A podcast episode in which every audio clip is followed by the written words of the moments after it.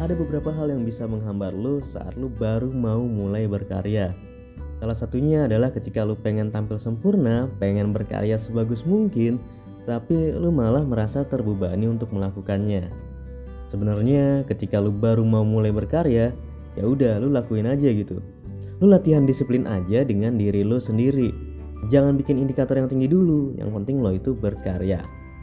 Lo buat karya lo sebisa lo, gak perlu perfect, gak perlu bagus-bagus banget.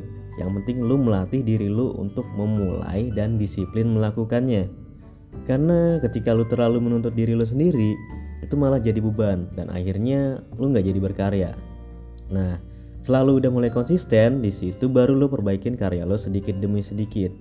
Jadi kuncinya mulai sekarang dan disiplin dengan diri sendiri.